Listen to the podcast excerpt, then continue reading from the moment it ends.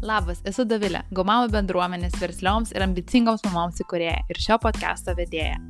Šiandien tau pristatau jau devintą Gomamo podcast'o epizodą, kuriame kalbinu sėkmingas nuosavą veiklą vykdančias mamas, bandau išsiaiškinti jų sėkmės istorijas ir pateikti kiek įmanoma daugiau praktinių patarimų. Mano pašnekovė šiandien yra Greta Kondakovė, dviejų vaikų mama, dirbanti su socialiniais tinklais ir kūrybiniais tekstais. Save vadina copywriterė. Jau daugiau kaip metus ši veikli mama dirba kaip freelancerė ir kuria turinį įvairaus dydžio klientams, nuo privačių profilių iki didesnių įmonių. Taip pat Greta asistuoja gerai žinomas influenceris Lietuvoje. Su Greta šiandien kalbame apie jos darbą, kaip ji pasiryžo išeiti iš ofisinio darbo ir pilnai susikoncentruoti ties freelancerės karjera. Taip pat apie jos darbo ypatimus ir ką reikia žinoti, norint rašyti įtraukiančius tekstus. Ar tave domina socialiniai tinklai? O gal nori užkabinti daugiau klientų, arba tiesiog pradėti naują veiklą, kuriai vis dar nesiryšti, nepraleisk šio pokalbio. Greta yra tikrai superinė pašnekovė. Pradedam.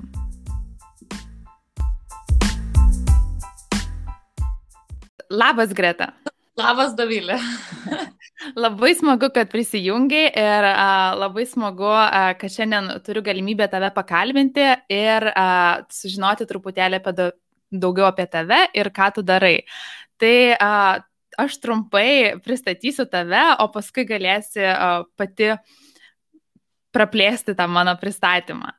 Tai a, Greta yra a, freelancerė visų pirma, dviejų vaikų mama, šaunuolė, kad taip puikiai suderini visą šitą veiklą šiuo gana sudėtingu laiku. E, ir e, tu greta rašai kūrybinius tekstus socialiniams tikla, e, tinklams. Tai kasgi visa tai yra ir gal tu gali truputėlį daugiau, plačiau papasakoti apie save ir ką tu darai? Uh, tai mano veikla, uh, taip, aš rašau kūrybinius tekstus, uh, rašau tekstus socialiniams tinklams, rašau įmonėm, rašau blogeriam, dideliem, mažiem, nėra svarbu. Tie, kurie, jeigu kas tai yra kūrybiniai tekstai, ne, tai na, visiems aiški, tarkim, socialinių tinklų strategija, kas kiek laiko turėtų būti keliami postai, kokie tie postai turėtų būti naudingi, informaciniai postai ar ne, pardavybiniai postai ir taip toliau. Tai vat, aš esu tas žmogus, kuris taupo, daleiskim, brandų laiką ir sudėlioja jiem tekstų planas, sakykime, mm, visam mėnesiui į priekį. Kadangi aš dažniausiai rašau, vadinkime, angliškai setais, e, mano mm, viename pakete yra 15 tekstų ir tų 15 tekstų užtenka visam mėnesiui. E, žmogui ar ten brandui nėra labai svarbu. Tai vad ir į tuos 15 tekstų įeina viskas, e, ko jiems reikėtų tą mėnesį. Būtent mhm. kalbant apie patį teksti, tekstinę informaciją, kur, kurios reikia e, tinklams vesti. Mhm. Taip. O a, kaipgi atsidūrė iš tikrųjų ten, kur esi dabar ir kaip apskritai pradėjai šitą veiklą, nes nu, tikrai a, galiu spėti, jog prieš kelis, gal ne, nežinau, penkis ar metus šitą veiklą gal ir neužsiemiai, tai gal gali papasakoti, kaip visgi atsidūrė čia na pati pradžia tai buvo tokia kad karts nuo karto įkeldavau aš pati instagramo neturėjau ir mhm. neturėjau ir nevedžiau jo normaliai iki man atrodo praeitų metų spalio tiesiog karts nuo karto įkeldavau kažkokią nuotrauką ir pas mane tekstai tokie būdavo labai sakykime mamiškai agresyvūs ar ne e, ne ne blogąja to žodžio prasme mhm. gerąja prasme nes e, ten galima buvo ir pasijuokti ir sarkazmo pilna ir teisybės ramybės pilna ir taip, kaip aš jaučiausi tą dieną. Bet tai nebuvo nei mano blogas ir e, mane ten sekė, nežinau, tėtis, pusėserės ir galbūt kažkas iš pamokyklos pasilikę. Ir e, užbėgant, ta prasme, jeigu papasakojant šiek tiek prieš istoriją, tai e, mokykloje e, aš nebuvau ta, kuri labai gerai rašydavo ten, tarkim, rašinius ar tekstų analizės. E, aš darydavau ir gramatinių klaidų, iki, man atrodo, ten dešimtos klasės, kol nepradėjau knygas skaityti. Ir, na, mano lietuvių mokytoja dabar pamačius, ką aš darau, tikriausiai labai sukikentų ir jai būtų labai linksma. Tai esmė tokia, kad Jėzus atsiprašau, jeigu pas jūs backgroundas girdisi, kad jinai puola vienas kitą. Tai esmė tame, kad, kaip ir sakiau, rašydavau sa savo tuos tekstus ir, mm, ir mano draugė Monika Ra mane pastebėjo, tiksliau, jinai visą laiką mane palaikė, ar ne, ir sako, Greta, na tau, ta prasme, tau pačiai reikėtų vesti blogą, dalintis, tuo, nu, dalintis savo gyvenimu, nes tu šiaip įdomi esi ir dar tikrai neblogai rašai. Na ir tada mes susikooperavome su Monika, jinai buvo mano pradžia ir tas buvo startupas, ji tuo metu pradėdinėjo savo veiklą Instagrame E, vedė mokymus, taip toliau ir panašiai. Ir kadangi ji tikrai tuo metu buvo labai užimta, mes su ją kaip ir tapome pora, e, ji buvo e, mano balsas, o aš buvau jos raidė, sakykim taip. Ji man sako, ką rašyti, aš viską surašydavau, kažkiek nuo savęs ten sakinuką du įdėdavau, kad gautis toks gyvesnis tekstas. Na ir tada Monika per kursus ar per mokymus paminėjo mane, kad aš rašau jai, o kadangi Monikos kursai buvo tiesiog e, išsprogdinę visą Lietuvą, jų buvo, ten buvo begalė žmonių e, ir taip atsirado pas mane pirmieji klientai. E, tuo metu aš jau ir pati pradėjau dalintis šiek tiek tais tipsais rašymo, sakykime, pas save ar ne, ir tų klientų pradėjo daugėti. Tai vat, vat, vat, vat tokia tai ir buvo pradžia mano, pati pradžia, nuo ko viskas prasidėjo.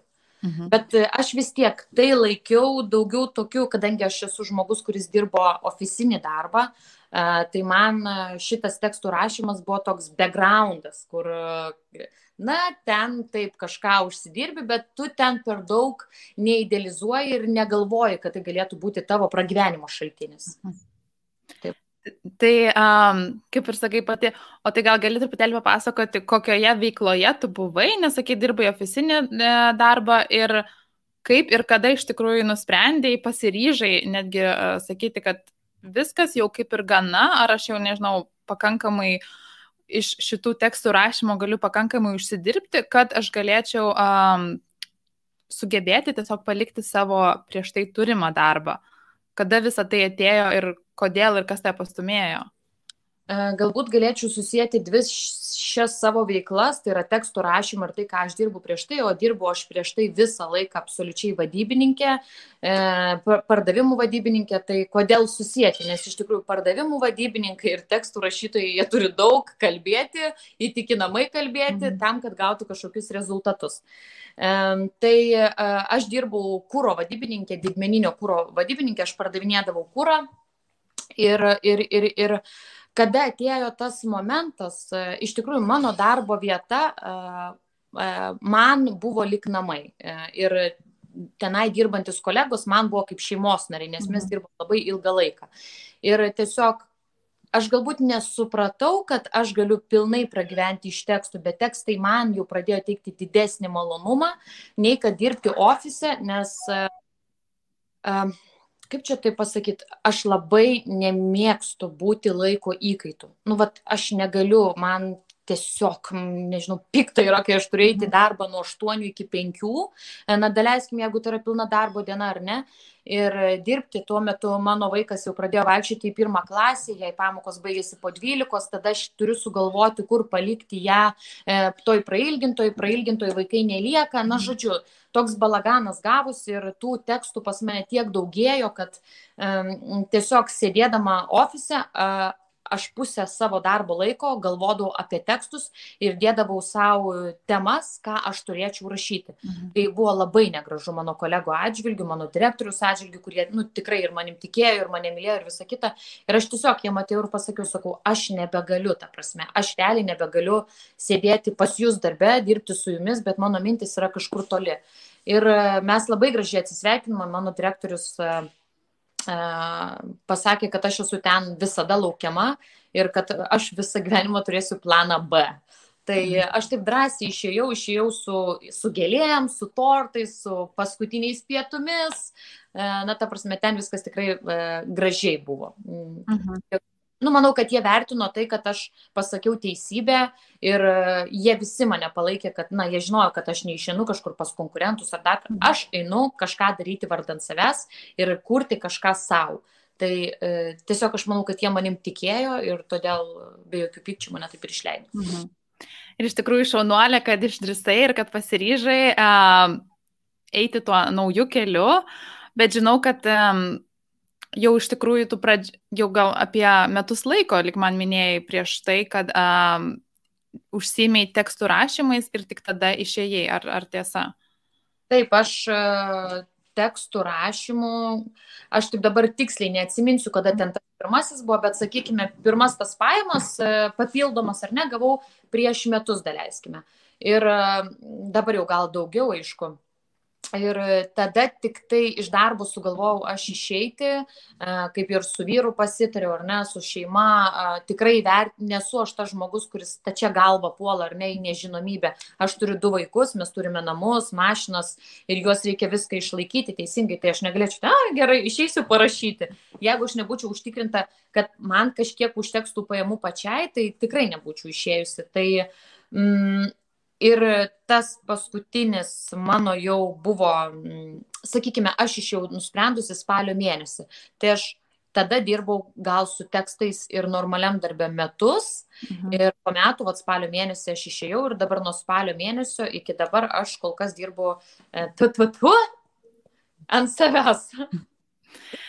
Tai um, iš tikrųjų, kaip ir sakai, kad uh, daugumai mūsų mes norim gal pradėti ir uh, vykdyti savo veiklą kažkokią, tai pagrindė gal ir dėl to, kad galėtumėm susidėlioti savo laiką taip, kaip mes norim, kad nebūtumėm kažkam priklausomi ir, va, kaip sakai, pati labai nemėgdavai eiti, kad tau reikėdavo ten darbę būti, ar tai 8 ar tai 9 val. ar ten žinodavai, kad turi.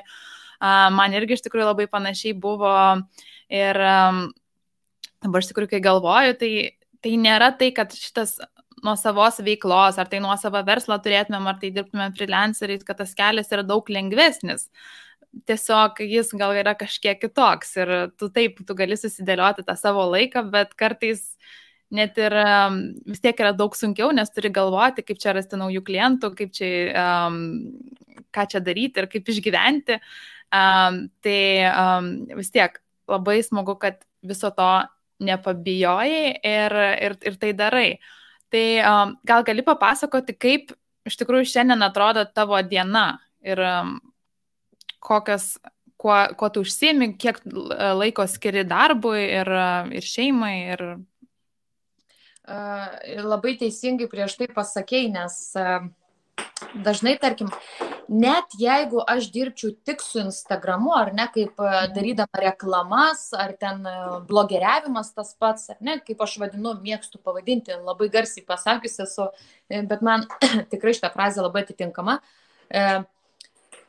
Mano diena apskritai, kaip atrodo tai, ką aš dabar darau. Mhm. Nežinau, ar galima sakyti podcast'e, bet man tai panašu ir aš tai pavadinčiau į socialinę prostituciją.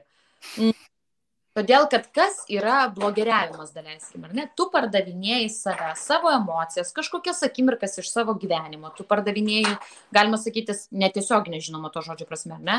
E, savo vaikus, savo šeimą, savo namus. Ir galbūt kažkam tai yra įdomu. Tai vad jeigu aš vien tik tai dirbčiau Instagrame, tai irgi reikalauja labai labai labai daug laiko.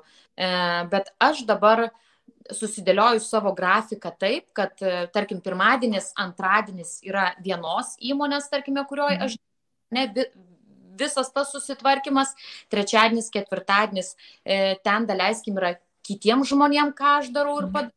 penktadienis, na, būna ten tokie random, kurie užsakymai, ar ne, o šeštadienis, sekmadienis, norėčiau pasakyti, kad aš tikrai skiriu visą savo pilną laiką šeimai, bet e, retai tai būna.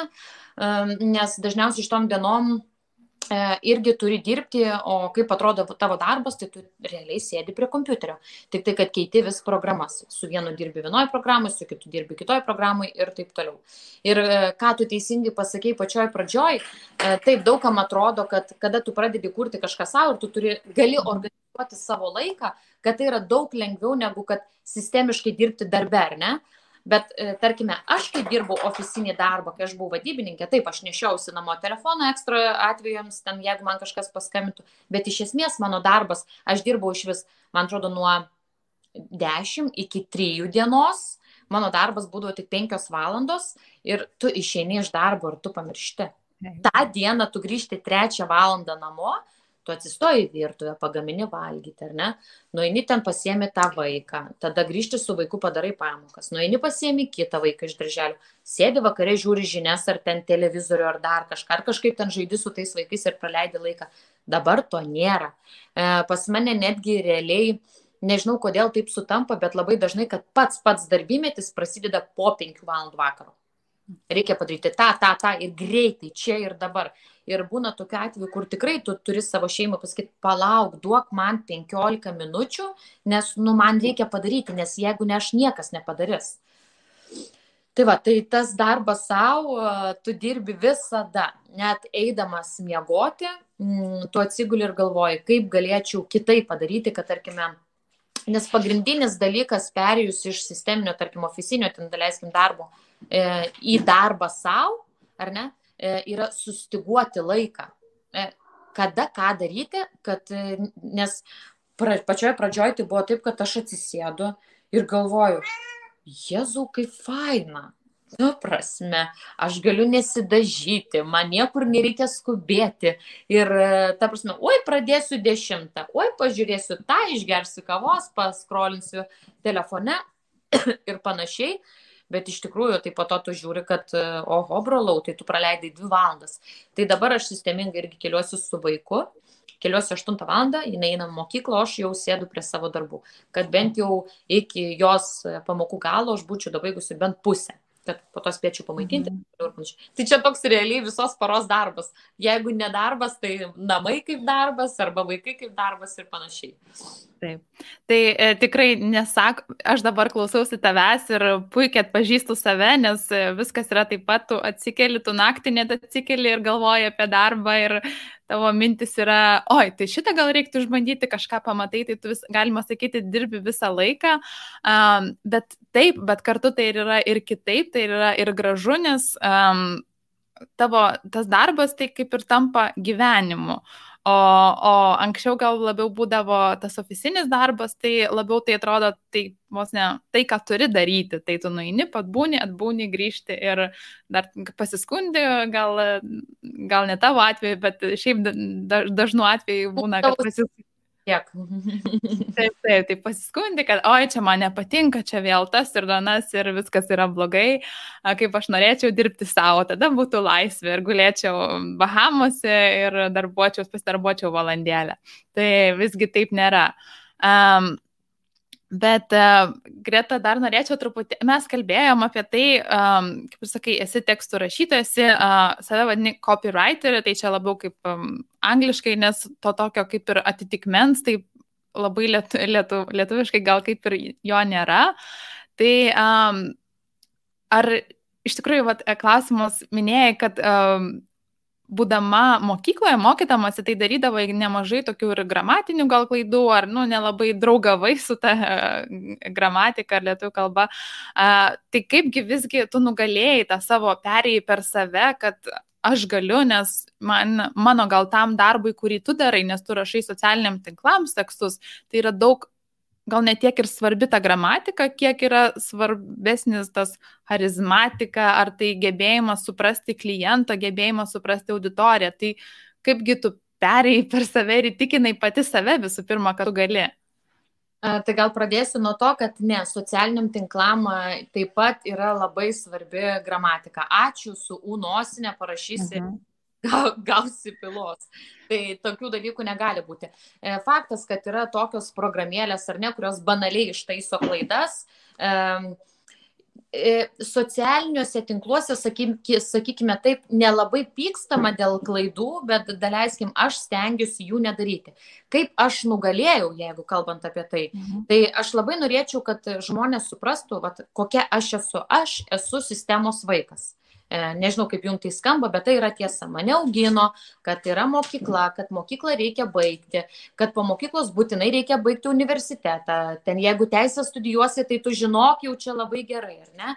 Jeigu ten, vat, mano atveju mes baigiam, aš baigiau socialinę politiką, e, socialinis darbas. E, tai kiek to diplomo man reikia, aš nežinau. Tada po mokslų tu, tu, tu turi susirasti gerą darbą nes va tai yra prestižas gyvenime, teisingai. Ir aš tikrai ilgai tokia buvau ir aš tikrai tikėjau tuo dalyku ir aš labai bijojau perlipti per save, aš labai bijojau perlipti per save, nes aš galvoju, o kas bus rytoj, o jeigu po metų tai baigsis, o jeigu per metus aš nieko nesusigalvosiu, ar ne, ir taip toliau. Ir aš tikrai sakau, aš atvirai sakau, aš tiesiog, aš nekinčiu iš tos frazės, bet jinai čia labai tinka, aš atsidūriau tinkamu laiku tinkamoj vietoj prie tinkamų žmonių, kurie ne aš pati save įtikinau, o mane įtikino žmonės, kad aš galiu, kad man išeina, kad nieko tokio, jeigu ir neišeina pradžiai, tau išeis vėliau. Viskas yra gerai, mes mokomės. Ir aš, e, aš, aš pas save ir savo turėjau tikrai labai gerą mokytoją, e, netgi dvi gal, e, sakyčiau, viena, kuri mane e, pozityviai pastovi nuteikinėja ir tikrai mano smegenis plovė vien pozityviom mintim, jeigu taip galima sakyti, ir tuo tikėjimu savimi, kad aš galiu, nes jeigu ne aš, tai kas. Ir kita, kuri tiesiog mane, vat, e, e sakykime, praktiškais e, įgūdžiais, ten tarkime, ar ne, pamokino, kad taip daryk, taip daryk, taip daryk, arba ten e, kaip susidorotų su negatyvu, mhm. pasitaiko. Tai dabar aš esu tokia, kur esu toj stadijoj, kai man beveik 30 ir aš tikrai žinau, kad aš esu šaunuolė ir man visai nesvarbu, jeigu kažkas taip negalvoja, aš žinau, kad aš varau gerai ir man, nu, ir man tai labai padeda. Iš tikrųjų, gyvenime tikėjimas savim žiauriai padeda. Mhm. Tai va tas tai- lūžis buvo nuo svetimų mhm. žmonių. O čia iš tikrųjų klausimas iš auditorijos ir jeigu tie, kas žiūri gyvai, tai prašau klauskite klausimų. Uh, tai klausimas apie tai, apie šią vat, profesiją. Ar um, reikalingi kažkokie kursai, um, kažkokia, gal, gal galima apie tai išmokti kažkur, ar, ar gali kažką rekomenduoti, kažką patarti tokiam žmogui? E, ir mane šito klausimo šiaip jau pas mane asmeniškai, mano blogė ar neklausia, iš kur tu gauni minčių, e, ką mhm. tu esi baigus, kokius kursus esi baigus ir taip toliau. E, mes gyvename tokių technologijų laikais, kur tarkime į, įvedus nežinau, rusų kalba YouTube, copywritingas, kak etanačiats, arba ten, nežinau, angliškai copywriting, how to start, pas tave išmeta beprotiškai daug, e, ten tarkime, tų blogerių, kurie tuom užsiminėja. Nereikia painioti copywritingo su, nežinau, rašytoju ar ne, ar mhm. e, ten, nežinau, redaktorium kokiu nors. Ne, viskas yra labai paprasta. Iš kur aš asmeniškai gaunu minčių, tai e, nežinau, gal šiek tiek baisu sakyti ir taip toliau, bet iš vaikiškų knygų. E, tai netitinka, nu, aš nerašau vaikiškų knygų egzemplioriais, sakykime, klientų tekstais ar ne, bet tose knygose pas tai labai atsiveria fantazija. Tarp metu skaitai, tarkim, mažasis princas, kai aš skaičiau mažai princą, kai buvau maža, nu, aš galvoju, tėvi, kokia nesąmonė, ne, kaip tik galvoju, nu, galvoju, kokia faina ta knyga. Dabar aš skaičiau su vaikais ir galvoju, tėvi, kokia nesąmonė atrodo, ne, bet aš jau ją suprantu visiškai kitaip. Mhm. Suprantat? Ir vad iš knygų, arba ten, tarkim, e, aš dažnai labai naudojuosi lietuvių žodinėliais. Ten, tarkim, e, jeigu norėčiau kokį nors juokingą parašyti tekstą, ten, nežinau, apie futbolininką, ar ne, tai aš bandyčiau susirasti futbolo ten žodžio ištakas, ar kaip vadinasi, labai labai lietuviškai ir apie tai parašyčiau tekstą, kad, pavyzdžiui, futbolininkas yra spirdžius. Na ir, pavyzdžiui, ar jūs įsivaizduojate, ir iš, iš, iš rutuliočio apie tai visą tekstą, va, tu jau dabar sėdi ir juokiesi, ne? nes, mhm. nu, juokinga, arba ten, nežinau, kur nors įkiščiau vėlabrauktis kaip troleibusas. Na, tiesiog čia yra sisteminė, nu, tu gal kažkaip per praktiką jau pradedi suprasti. Mhm. Tarkime, e, e, mano tekstai tikrai nepatinka visiems. Ir kai kuriem klientam, tarkim, aš dažnai pasakau ne, nes aš matau, kad pagal jų turinį aš netitiksiu. Nes mano e, tekstai yra tokie straight, jie labai tiesmuki, ten yra sarkazmo ir jie tokie, na, toks švelnesnis, toks švelnesnis e, žmogus tų mano tekstų tikrai ne visą laiką ir supras. Nebent ten bus įspūdingai gera e, pas mane nuotaika. Mhm. Tai va tokia labai romantiška.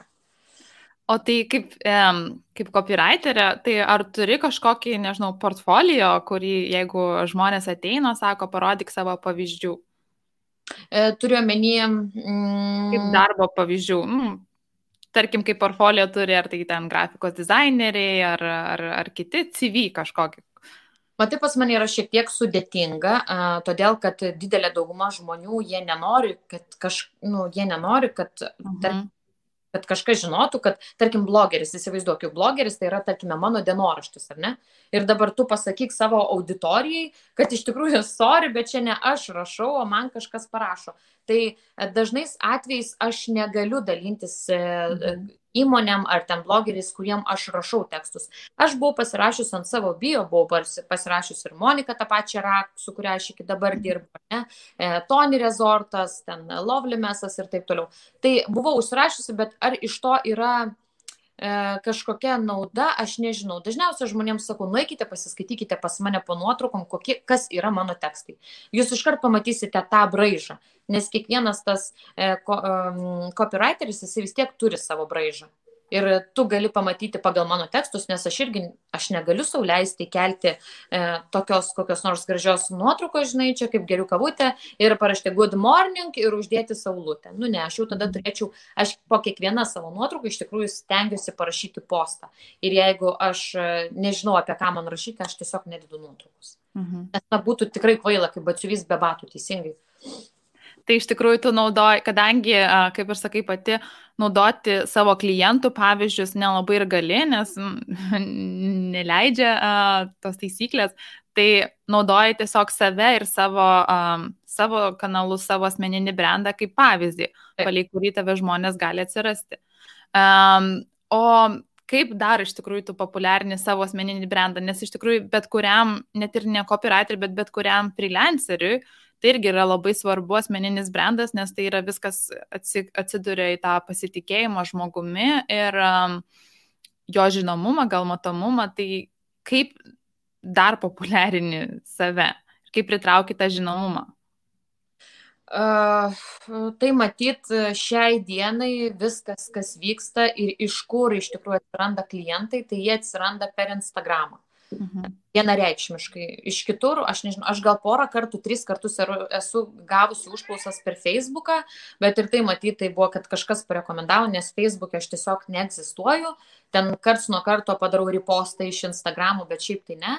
O šiaip visas mano tas, sakykime, veiksmas ir asmeninio brandų kūrimas vyksta Instagrame. Mhm.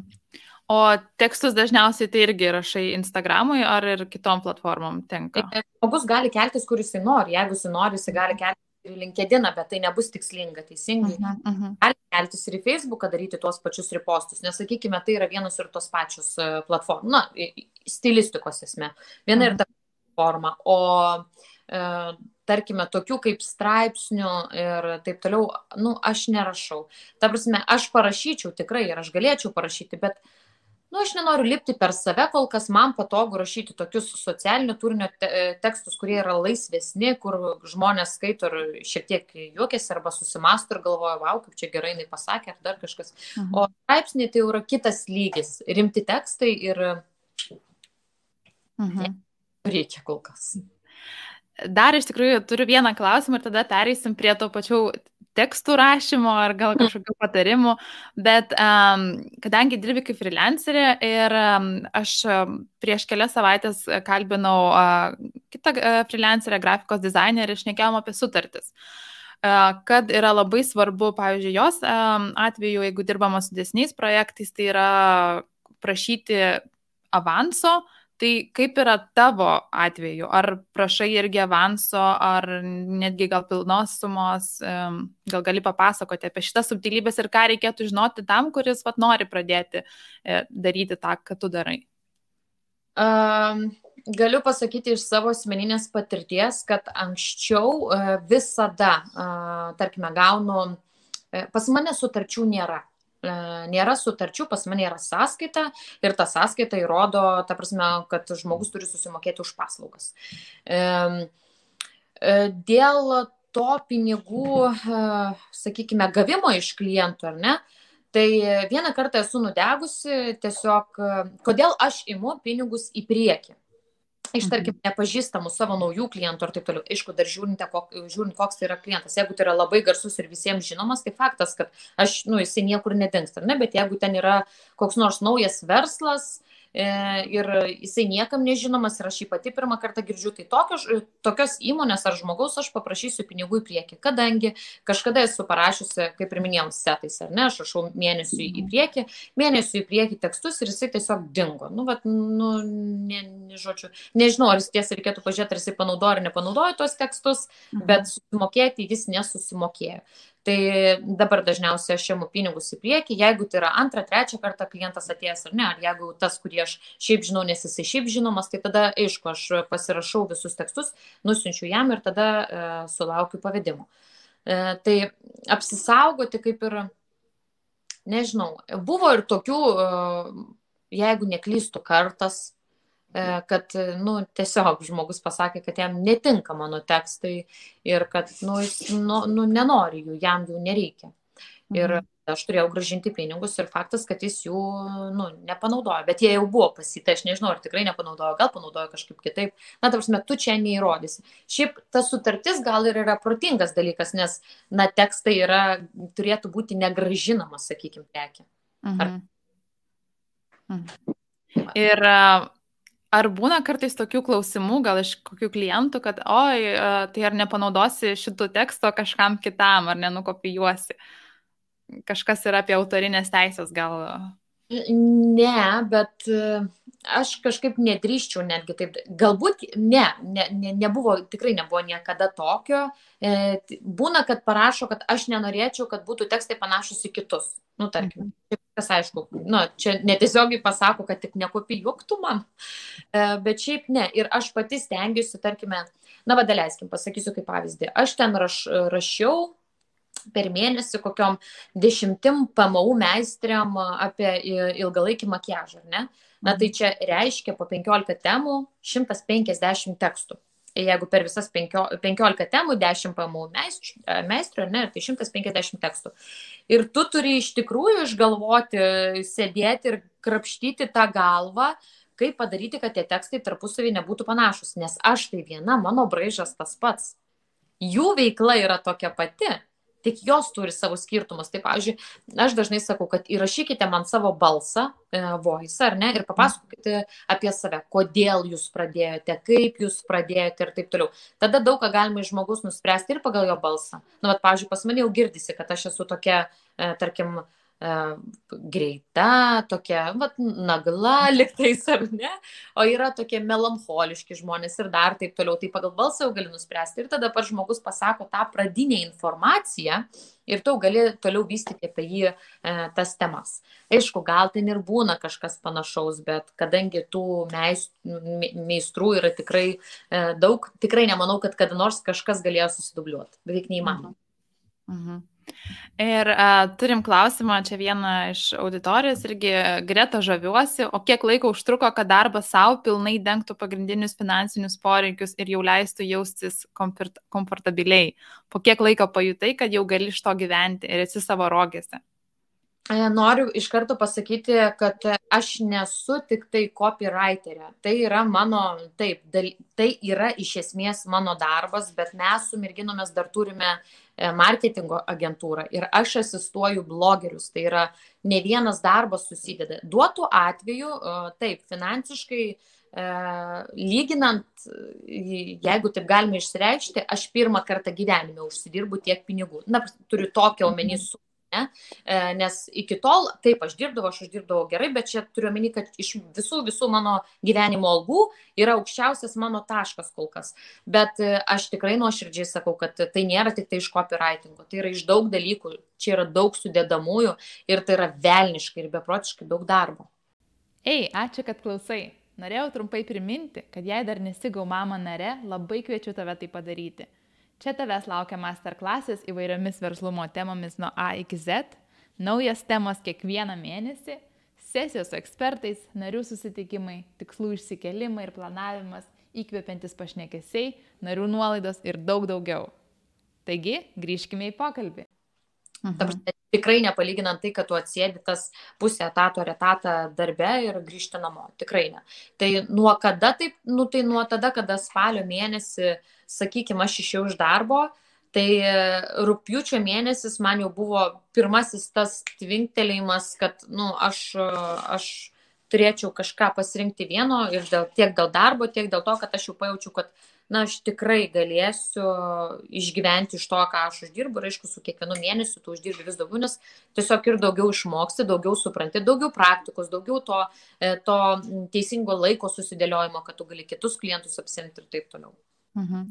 Tai iš tikrųjų po gero pusmečio nuo pačios pačios pradžios, maždaug jau pamažu, pamažu.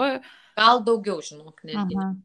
Mhm. Nes taip, ten aš uh, užsidirbdavau pinigų, E, nuo, po to pusmečio, bet tai nebuvo dar, e, nežinau, ar tai nebuvo tiek pinigų, ar tai buvo baimė išeiti iš darbo, sakykime -huh. taip. Čia taip.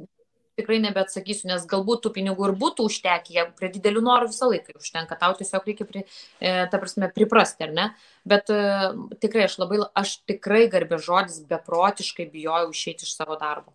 Aš mhm. labai bijojau, e, kaip e, pajudėti iš komforto zonos ir kaip pas tai sujuda visas tavo grindinys, visas tavo stabilumas, nes tarkime, kad ir tu gauni darbę dirbdamas 8, 900 ar 1000, ar ne, bet tu įgauni kiekvieną mėnesį. Kiekvieną mėnesį stabilę sumą reiškia, tu gali planuotis, kad va, kitą mėnesį aš ir vėl turėsiu tūkstantį, galiu ten leisti, ten savo leisti ir taip toliau. O čia, ta prasme, čia gali būti sviruojantis mėnesiai. Tu per vieną mėnesį gali užsidirbti labai labai daug, o žiūrėk, kitą mėnesį tu negauni iš vis, tarkim, tekstų užsakymų, kaip buvo prieš šventes. Na, visi buvo tokie pasivesni, ar ne?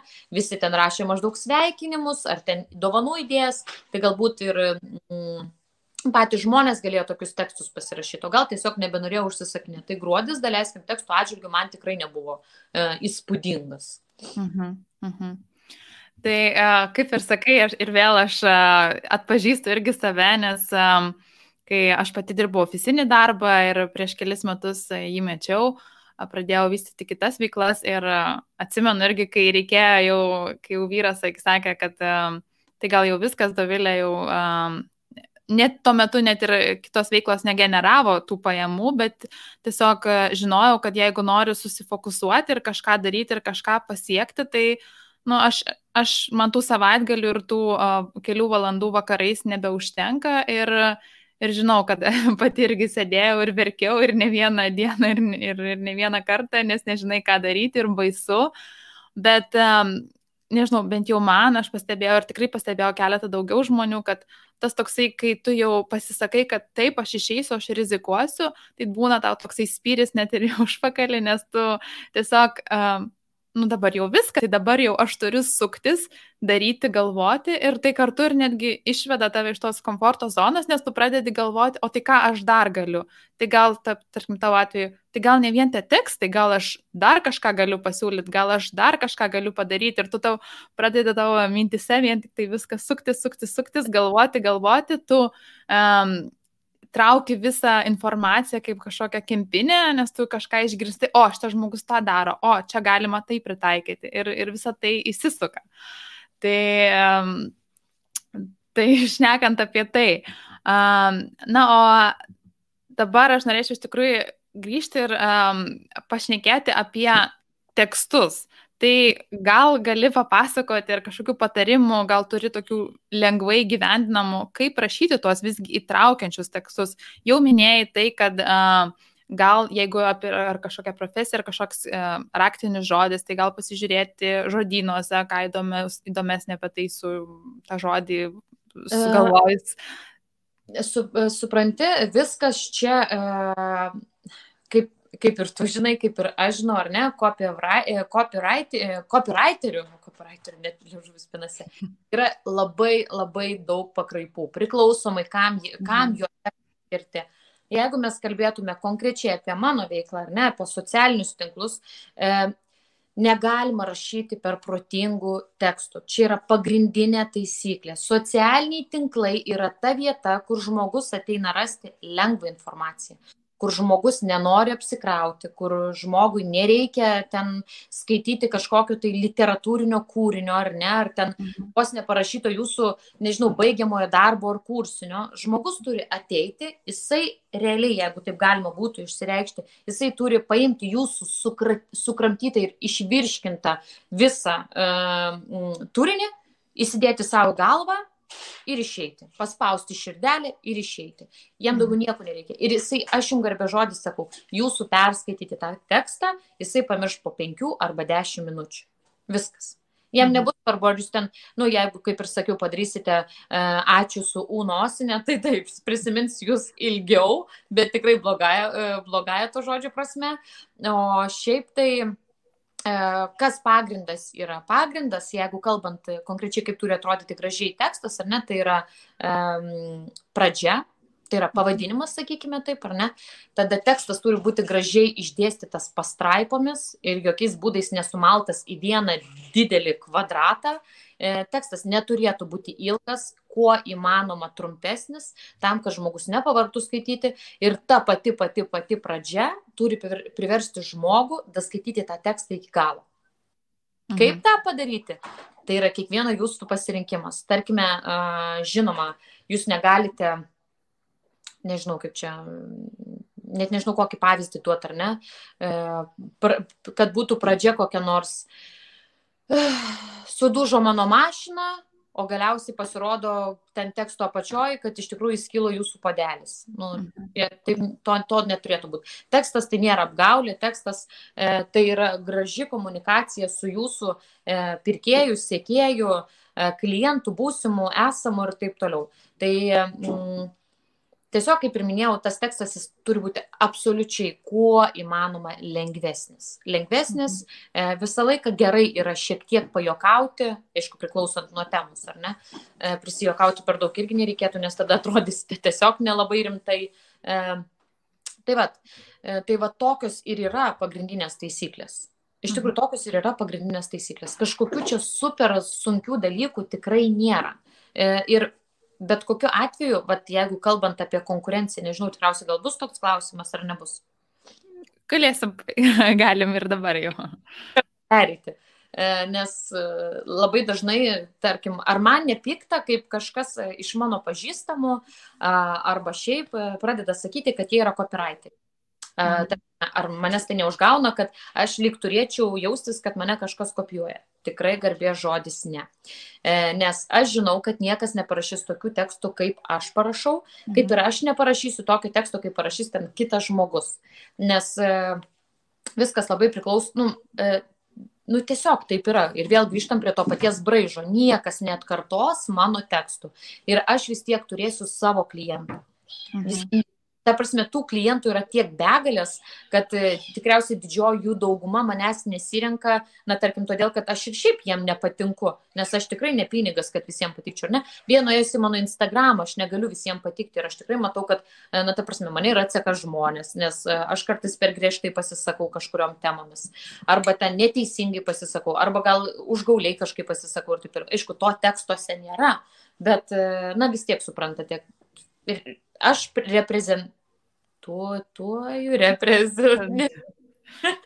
Šitas žodis, ne, aš save pristatau um, tokia, kokia aš esu ir va, tada žmonės gali rinktis. Tai tai ir yra mano asmeninis brandas. Ir kiekvienas žmogus turi e, susikūrę apie save tam tikrą įvaizdį, kad, pavyzdžiui, va, kitas šnekės e, labai gražiai, labai ramiai, toks kaip romantiškas, plėvesuojantis. Tai va, to aš tokį žmogų jau įsivaizduoju, kad jis iškart galėtų rašyti kokią nors ten, nežinau, apie kūno priemonės, kūno priežiūro priemonės, kūno priežiūros priemonės, bet jisai toks būtų pilna vonė, romantika, žvakės ir taip toliau. Mhm. Aš jau iškart, man mintise kokie dešimt tekstų susivoliojo. tai va.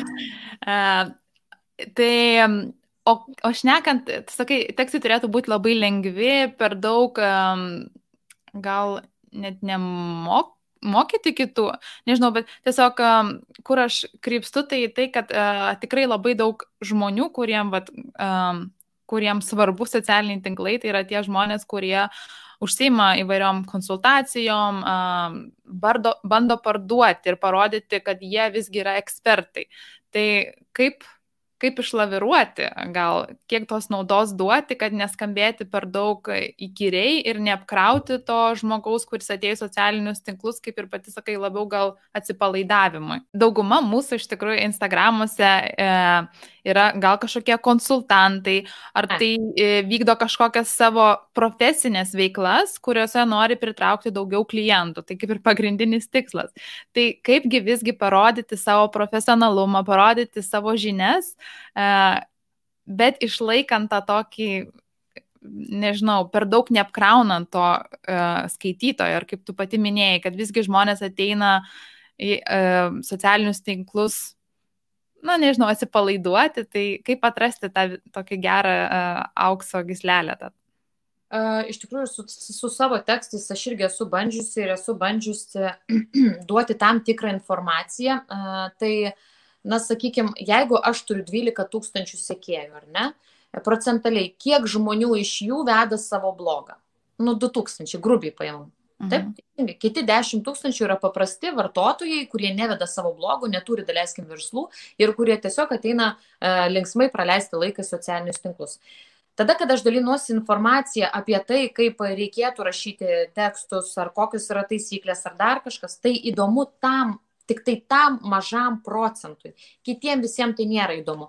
Ir e, mano pagrindinis tikslas tikrai nėra Instagrame e, išmokyti žmonės ar papasakoti žmonėm tas pagrindinės taisyklės, e, kaip reikėtų e, rašyti tekstus. E, bet jeigu kalbant apie tas konsultacijas, mokymus ir taip toliau, mhm. tai taip, tai yra mano planuose, e, bet greičiausiai E, ne mano platformoje, sakykime, tie pardavimai turėtų vykti. Nes taip jau išėjo, kad mano auditorija nėra e, tie žmonės, kuriem, na ir šiaip tikriausiai pačiam Instagrame yra labai mažai žmonių, kurie uh, tarkime, kuriem iš tikrųjų įdomu, kaip rašyti tuos tekstus. Nes arba, a, jie tikrai neturi laiko ir už juos rašo bet kokiu atveju copywriteriai, tai koks jiems skirtumas, kaip rašyti tuos tekstus, nes tikrai didėjai brandai, nu jie neturi laiko, tie patys blogeriai, kam jiem apsikrauti, kai ten, tarkime, jų kaina už reklamas, na, nėra maža ir jie tiesiog geriau sumokės kažkam ten tuos eurus, ar ne, įsidės gražų tvarkingą tekstą, niekas prie jų ne, neprisikabins nei dėl klaidų, nei dėl nieko. O paprastiem žmonėm, nu, jie iš vis ne, ne, ne, ne, nesirašo tų tekstų po tom savo nuotraukoms, jiem para, po, po nuotraukomis, jie parašo good morning, uždeda saulutę ir, ir viso gero. Mhm. Taip, taip, va. tai taip, aš galvoju apie kažkokius tai gal pradmenis, kurie uh, man padėjo kažkaip sukrauti vieną vietą ir pasiūlyti uh, būtent tai auditorijai, kuriai to reikia, kad ne, neapkrauti kitų žmonių e, savo, tarkime, blogį Instagrame. Mhm. O ką tu, tarkim, patartum klientams, tai, tarkim, jeigu aš esu smulkus verslas, turiu savo, nežinau, vaikiškų prekių parduotuvę. Tai kiek, kaip, kaip, kaip man rašyti tuos tekstus, kad neskambėti per daug parduodančiai visą laiką? Nes tai, tai turbūt irgi žmonės nenori to matyti, kad aš visą laiką parduodu, parduodu, parduodu. Ar... Esminė, esminė, apskritai esminė, ne būtent apie vaikiškus rūbus, apskritai visų parduotuvių, e-shopų ir taip toliau, esminė jų klaida yra ta, kad jie parduoda Instagrame. Mhm. To negali būti. Negali būti, kad, ta prasme, Instagrame vyksta transformacija. Vienintelis dalykas, kas turi būti Instagrame, tai nėra jūsų kažkoks, e, nežinau, čia jau tikrai kaip legenda šitas skamba, tai nėra jūsų portfolio. Tai yra tai, kad jūs žmonės pritraukite prie savo blogo, parodote jiem kažkokią idėją ir ta idėja juos nukelia į jūsų e-shop. Mhm. Tai yra lik atspirties taškas eiti į jūsų parduotuvę.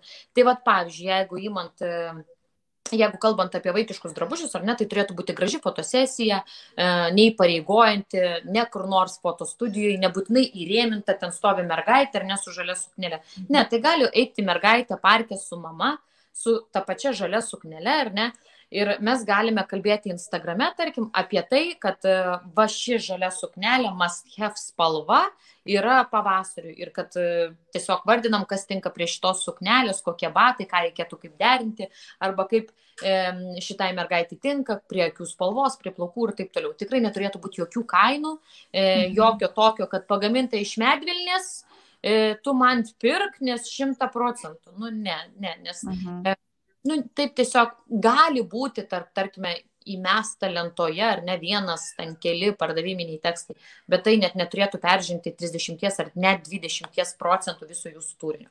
Mhm. Tai va. tikrai labai, labai įdomiai pasakėjai ir manau tikrai daugam labai naudinga, nes kaip ir pati sakai, tai aš jeigu noriu nusipirkti gal kažką, aš neįsiu Instagram, ten suknelę, tai aš neįsiu Instagram ir neieškosiu visų pirma suknelės ir kiek čia kainuoja. Tai aš čia labiau viskas vėl grįžta prie to um, prekinio ženklo matomumo, kad aš atsiminsiu, oi, mačiau kažkur įdomų, fainą paustą, reikia pasižiūrėti, reikia nueiti ir pažiūrėti jų e-shopą, ką jie visgi daro, ar kažkaip tos asociacijos iš tikrųjų visą tai veikia. Uh, dar turėjom klausimą iš auditorijos apie antraštės. Truputėlį užsiminiai, bet klausimas buvo, tai antraštės, kaipgi pradėti tuos pirmus kelis sakinius, kad užkabinti neturiu tokio vieno konkretaus atsakymo ir tos antraštės, nesakykime, čia mokykloje mus mokė tokį dalyką, nors aš pati iš mokyklos mažai vadovaujuosi, apart tų gramatinių taisyklių, tai antraštės. Antraštės turėtų būti jūsų teksto įdomiausių vietų santrupa kažkokia, kuri atskleistų, kas bus jūsų tekste. E, bet tai, nežinau, matot, man sunku patarti, nes pas mane tai ateina tiesiog. Aš tiesiog antraštę, e, parašius tekstą, aš parašau antraštę. Ta antraštė turi būti užkabinanti, taip, kažkas taip ir rašė, ar ne? Jis turi būti užkabinanti, jokiais būdais nenuobodi, jokiais būdais ne per ilga. Jis turėtų tilpti, jeigu kalbame apie socialinius mhm turėtų tilpti į tą pirmąją eilutę, ar ne, kad kai nuotrauką užsidengia, atidarai nuotrauką ir nepaspaudi mo, turi tą antraštę matytis. Tai ten turi būti toks užės, kad wow, va, matau, noriu skaityti toliau. Mhm. Ir lygiai taip pat galime, um, tarkime, į tą antraštę prigretinti prie jo žodį transformacija, nes antraštė irgi galėtų jinai būti, kaip ir pačiame tekste. Mhm. Dėl antraštės čia labai, nuo labai daug faktorių priklauso. Mhm. O iš tikrųjų kilo dabar klausimas, tas besiklausant, tai um, visi sakom, kad iš tikrųjų labai yra svarbu mums pažinti savo klientą, savo auditoriją, kad mes galėtumėm tinkamai jam uh, komunikuoti. Taip. Tai um, tavo klientai yra tie žmonės, kuriems tu rašai tekstus, tai iš tikrųjų kokiu tų klausimų dažniausiai užduodi jiems, norėdama išsiaiškinti, kas yra ta jų auditorija ar, ar kaip jie patys iš tikrųjų save perteikia. Tai minėjai vieną, kad dažnai netgi prašai žmogaus, kad įrašytų žinutę, kad tu išgirstum, koks tas tonas, kaip jisai komunikuoja, ar jisai lėtesnis, ramesnis, greitesnis. Kokie dar dalykai, tu dažniausiai kokių dalykų klausi apie tą prekę ar paslaugas? Tarkime, jeigu tai yra, labai priklauso nuo to, kokia tai veikla, ne, jeigu tai yra, na, pamau meistras, ar ne, tai taip, tada man reikia, kad jisai rašytų voice, papasakotų apie, apie save. Ir faktas, kad jeigu tu esi pamau meistras ar ten, na, užsiemi šitą veiklą, mhm. tu negali savo blogę rašyti vien tik tai apie pamau. Taip, ne, ne, nes tada tiesiog tu būsi tik meistras ir jokio asmeninio brendo pas tave nėra, nes niekas tavęs kaip žmogus nepažįsta. Uh, ką mes darome tada mes e, tą jo darbą maišome su kasdienybė Ir tarkime, tada aš pradedu klausti, ką tu veiki šiaip, gal tau yra kažkokios sferos, kurios žiauri patinka. Nes, tarkime, na, e, meistrai kaip turėtų vesti savo blogą. Tai visų pirma, tarkime, trys temos, ar ne? E, nagų tendencija, ne nagų čia dabar apie, tarkime, antakius, ar ne? Mhm. Kodėl patogu moteriai turėti ilgalaikį makiažą kaip aš tapau ten, tarkime, e, pamau meistrė ir kodėl man tai svarbu, mano laisvalaikis. Trys temos, viena eilutė. Vat tokios temos turėtų būti. Ta prasme, šiek tiek apie ilgalaikį, ar ne, kodėl man patogu turėti, bet aš vėl neparduodu. Tiesiog aš pasakoju, kodėl moteriai nu, patogu turėti tuos santokius. Kad, pavyzdžiui, turite atsikėlį, susitaupai laiko, nereikia piešti santokių, ar ne.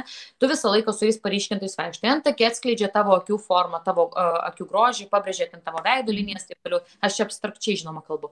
E, taip toliau ir panašiai. Tada, kodėl aš tapau meistrė, ką man tai reiškia, kad kad va, man labai patinka bendrauti su klientais, man patinka moteris ten daryti laimingas, kai jos mato ten savo tuos santakius ir taip toliau. Aš mhm. irgi sakau, pasakoju liekštai, tik tai, kad jūs suprastumėt visą tą, e, esmę. Ir e, trečias dalykas, tai vat, mano laisvalaikis, kad aš labai mėgstu ten, nežinau, čiuožinėti nuo kalniukų, e, labai mėgstu atsipalaiduoti po darbo, taip toliau ir panašiai. Tai reiškia, kad tai yra jūsų kaip ir kasdienybė, žmogui įdomu jūs sekti, nes todėl, kad jūs toks esate ir jie ten turi šiaip su jumis bendro, bet ir jie sekdami jūs supranta jūsų veiklą. Ir tarkime, ai, žinai ką, čia ta, kur čia žinėjo nuo kalniukų, jinai daro žiauriai gerai e, ten antakius, antakių mhm tu turėtum pas ją apsilankyti. Tai va taip vyksta. Jeigu tai, tarkime, būtų, nežinau, koks nors viešbučių tinklas, Tai pirmi mano klausimai tai yra, tarkime, istorija, ar ne, kaip atsirado, kodėl atsirado, kas valdytojai, ten, tarkim, gali būti šeimos verslas, ne šeimos verslas, jeigu šeimos verslas eini per jausmus, per tai, kad mes viską atiduodame, ar ne, jeigu tai yra, tarkime, na, tiesiog didelis verslas, tai tada einame per restorano darbuotojus, ar ne, kad restorano darbuotojai yra kaip šeima, nori jums ten, e, daleiskim, šefui padaryti viską, ką geriausia. Tai istorija, tada aplinka, tada klausiu pačių žmonių, gal yra tokie dalykai, kuriuos jie norėtų tiesiog ištransliuoti, kaip, tiesiai mhm. šviesiai paklausiu, e, ką šiai dienai jūs norite parduoti. Ir jeigu ten sako, norėčiau parduoti dvi nakvynės, ten tarkim su džekuzi, tada aš pradedu rašyti tekstus. Na, tarkime, vienas tekstas apie tai, kaip smagu, tarkim, todėl, kad mes taip išvargome karantino metu, ar ne, kaip smagu būtų laiką praleisti tik su savo antraja puse, ten pušynė, kur gali mėgautis džekuzį, spa, pirtim, e, nuostabiu maistu, išeiti pasivaikščioti ir taip toliau. Tu lyg ir sukūri produktą, ar ne? Tu mhm. atiduodi skaitytojui produktą, bet galėtų jį pasiemi. Ir ką skaitytojas daro? Jis galvo, o Dieve, kaip aš norėčiau ten atsidurti. Jis mhm tu jau sukūri jam iliuziją ir po to staigiai atimi. Nu tai čia tokie mm, pardavybiniai, aišku, dalykai, bet kaip ir sakau, ten tikrai nerašysi, kad va, laba diena, prašau, atvažiuokite pas mus, pasidžiaugite džekuzį dviem asmenims 159 eurai. Nu, nu kas čia tada? Nu, aš galvočiau, ai, aš gal einu į kokį grupinis.lt pasieškosiu pigesnių, nes aš nežinau, ką būtent e, man tas viešbutis, mhm. nes jie man nepasiūlė nieko, tiesiog kainą. Mhm. O ar, vadovau, ar vadovaujasi kažkokiu, e, na, tarkim, taisyklė 60 procentų naudingo turinio, 20 procentų laisvalaikio, ar čia maždaug paliai šiaip smėtai, kaip gaunasi? Uh, labai kaž... anksčiau aš tai darydavau, uh, iš tikrųjų dabar nebe. Nu, ta prasme, anksčiau mhm. darydavau 20, 20, 60, ar ne?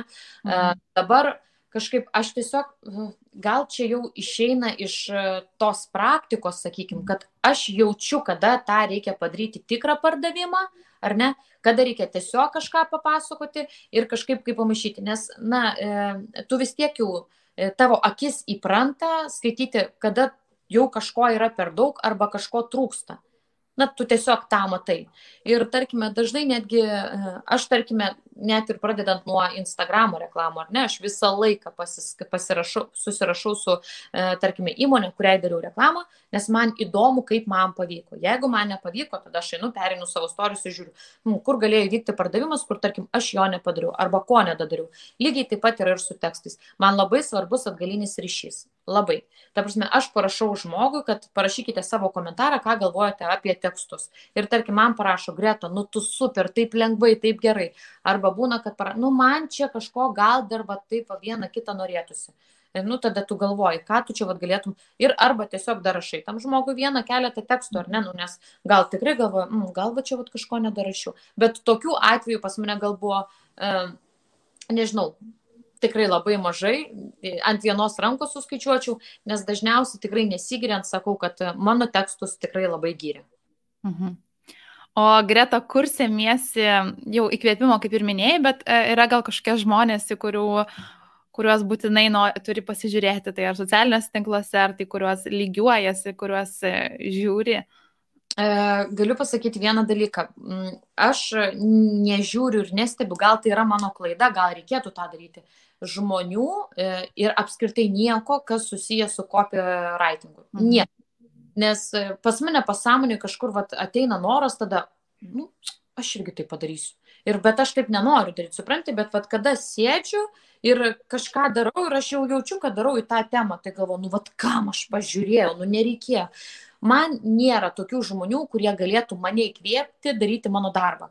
Nes e, gal žiauriai pasakysiu, bet vienintelis įkvėpimas šioje vietoje ir yra tai, kad tu uždirbi pinigus ir tu žinai, kad tu padary, mhm. turi padaryti maksimumą ir geriausiai, nes jeigu tu prarasi šitą klientą, šitas klientas pasakys dar vienam klientui ir žodžiu, čia bus nesibaigiantis ratas.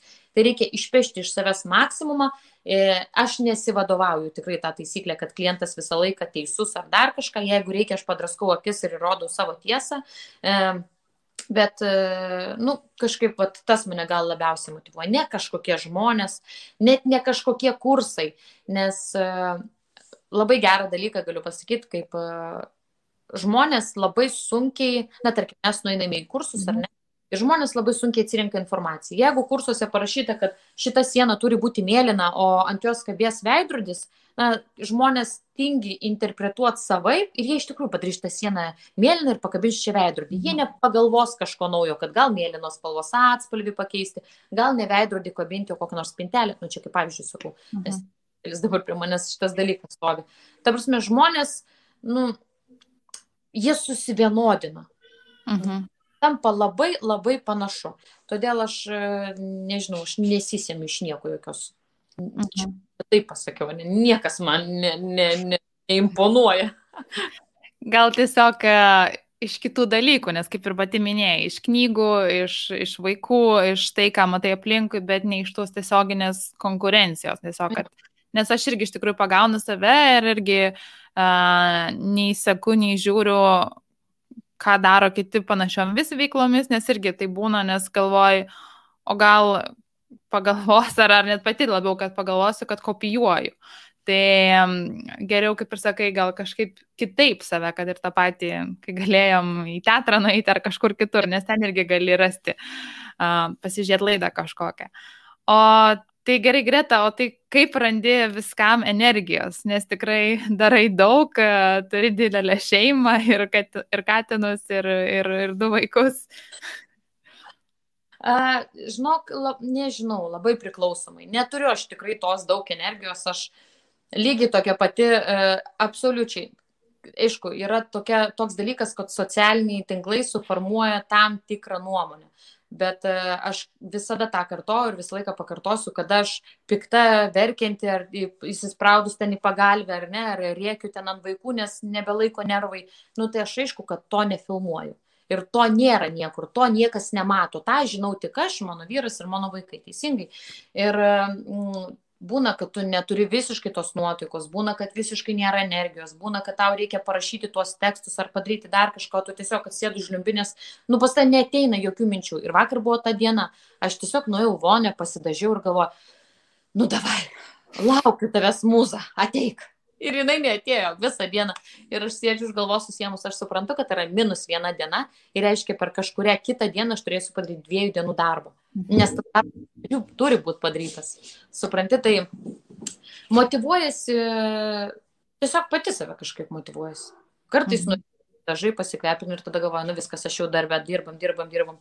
O kartais to neužtenka. Kartais nežinau, paverki šiek tiek ir tada atsėdi ir dirbi, išgiri kavos. Man atrodo, taip pat žinok, kaip ir vis nėra to vieno vienintelio būdo, kaip tu gali save motivuoti. Mhm. Dar matau auditorijoje, gavom komentarą tiesiog iš Jėvos, kad nerealiai įdomi tema, tai ačiū Greta. Na, o dar pabaigai, tai keletą dalykų, tai um, pabaigai, um, jeigu galėtum atsukti laiką, ar gal kažką darytum anksčiau, gal kažką keistum? Šitas klausimas žiauri geras. Žiauri. Ta prasme, dabar paklausykite manęs visi. Tie, kurie galvoja nors šiek tiek ir turi kažkokių idėjų, darykit šiandien. Netidėkite rytojui. Tai turėjo būti iš vis padaryta vakar. Ir aš esu labai geras to pavyzdys. E, tarkim, mm, pagal tendenciją, ar ne, kurią aš, e, kad ir uh, savo auditoriją susirinkau Instagrame, ar kaip greitai aš susirinkau savo klientų ratą ir taip toliau, jeigu aš būčiau tą pradėjus du metus ar metus atgal, jeigu aš būčiau nebijojusi išlysti iš tos komforto zonos, jeigu aš būčiau savim patikėjusi, šiandien aš jau būčiau kitam taške. Ir šiandien dirbčiau ne aš viena, o būtų dar minimum du žmonės, kurie dirbtų su manim, kurie dirbtų tiksliau man. Ir tai būtų lik mano maža, maža piramidė kur aš galėčiau suteikti kažkam darbo vietą. Bet kadangi aš labai ilgai uždėlsiau, lab... o man, Jėzus, kaip aš bijau, o kas jeigu neišeis? Nu, jeigu neišeis, jūs žinojot, kad pabandėt ir neišėjot, susigalvosit kitą. Nes tą momentą, kai jūs pradedat judėti iš savo komforto zonos, pas jūs atsiveria visos įmanomos čakros galvoj, nes jūs pradedat galvoti, ką man reikės daryti. Ir tada idėjos tiesiog generuojasi pačios, tu darai ir tą, ir aną, ir trečią, ir ketvirtą, taip tu pavargsti bet tu galiausiai padarai. Tai vad vienintelis dalykas, ką aš iš tikrųjų keiščiau, aš nebūčiau tiek daug laukusi ir viską būčiau pradėjus daug anksčiau negu pradėjau. Mhm. Wow, tikrai užmotivavai mane dabar ir matau irgi čia dar irgi uh, komentarą eina, Inga rašo, kad tikrai Greta esi puikiai pašnekovė, labai sklandžiai ir įdomiai dėstai mintis, tai uh, džiaugiamės tavim Greta. Na, o dar turiu tokią noriu naują įvesti rubriką, tiesiog trys trumpi klausimai. Tai mhm. kava ar kava su pienu? O Jėzus, kava su pienu. Augalinio ar paprasto? Paprasto. Paprasto. Už karvės pienuką. Um, Už miltelinį tokį, žinai, ten, kuris a. ilgai genda. Putos didžiulės. Um, vieta, į kurią norėtum grįžti? žinokit, nepatikėsit, bet aš antiek žiauriai paprasta, aš tiesiog noriu į savo kaimą įtolėjus, nu, vat, aš labai noriu vasarą į kaimą ir dabar taip norėčiau į kaimą. Vieta va ten visada yra ta, kur noriu grįžti. Ten stovi netoli fermos, kartais smirda, bet žiauriai gera, va ten yra tikra, tikra, va ten, va realiai mano energija susikaupė, suprantat, va, nu, nežinau, man ten žiauriai gera. Tai va vieta, kurioje visą laiką noriu sugrįžti, yra mano kaimas. Mhm. O kur tas kaimas minėjai? Molėtų rajone. Molėtų rajone. Puiku. Na ir trečias klausimas tai yra um, investicija iki 50 eurų, kuri tikrai pasteisino. Gal ne, neseniai kažką pirkai ar... Oh my god. Toks, žinai, tavo nelinksmas klausimas, nes karantino metu aš tau nemoku pasakyti, kiek aš pinigų sustauviau, nes niekam neleidžiu, nėra ką pirkti. Tai, palauk. tai gal neseniai boltas buvo koks nors skanus patiekalas tiesiog. Nežinau, žinau tikrai pastaruoju metu, nu, iki 50 eurų. Nu, sakykim. Neturi dar kokio nors vabank klausimo. um, tai iki 10 eurų, tarkim. Nu gerai, tai tada tikrai geriausia investicija, kuri irgi man pakelia nuotaiką, mane užmotivuoja ir padaro mane laimingą, tai yra iki 10 eurų bulvės. Nupirktos bulvės namo, pasikeptos su lašiniais, padėtas vaguniukas, agurkiukas, grėtinytės, įva, pavalgo, pavalgo ir tada viskas labai gerai. Tai va. ir pirmas, ir desertas turbūt irgi, ne? Galėtų... Pagrindinis užkandis ir desertas ir sriuba viskas, kas nori, kur yra bulvės. Mm. Tai čia kaip man panašiai, kai klausė desertas, aš galiu sakyti duona su sviestu. Taip, man. man. e, tai ką, Greta, nebelaikau tavęs, nežinau, kad turi grįžti ir prie vaikų, ir, ir į savo veiklą. Buvo žiauriai smagu, labai um, fainas pokalbis, uh, puikiai pašnekovė ir um, smagu tikrai pašnekėti su tavim. O visoms, kurios klausosi, tai a, laukite kitos savaitės, kalbinsiu vėl a, veik, kitą a, nuostabią veiklę mamą. Uh, ir bandysim suprasti, išsiaiškinti, kaip jos pradėjo savo veiklas, kaip jos pradėjo savo verslus ir kokiais patarimais gali pasidalinti. Na, o jeigu norit sužinoti daugiau apie gaumamą, rasti daugiau žinių, gal e, norit išmokti iš ekspertų, tai raskit, rasite daugiau informacijos tiesiog gaumama.lt. Um, labai jūsų lauksim ir iki kitą kartą. Ate! Ačiū tau, kad klausėsi. Naujas įrašas išeina kiekvieną savaitę, tad nepamiršk prenumeruoti Gomamo podcast'o savo mėgiamuose podcast'o platformose.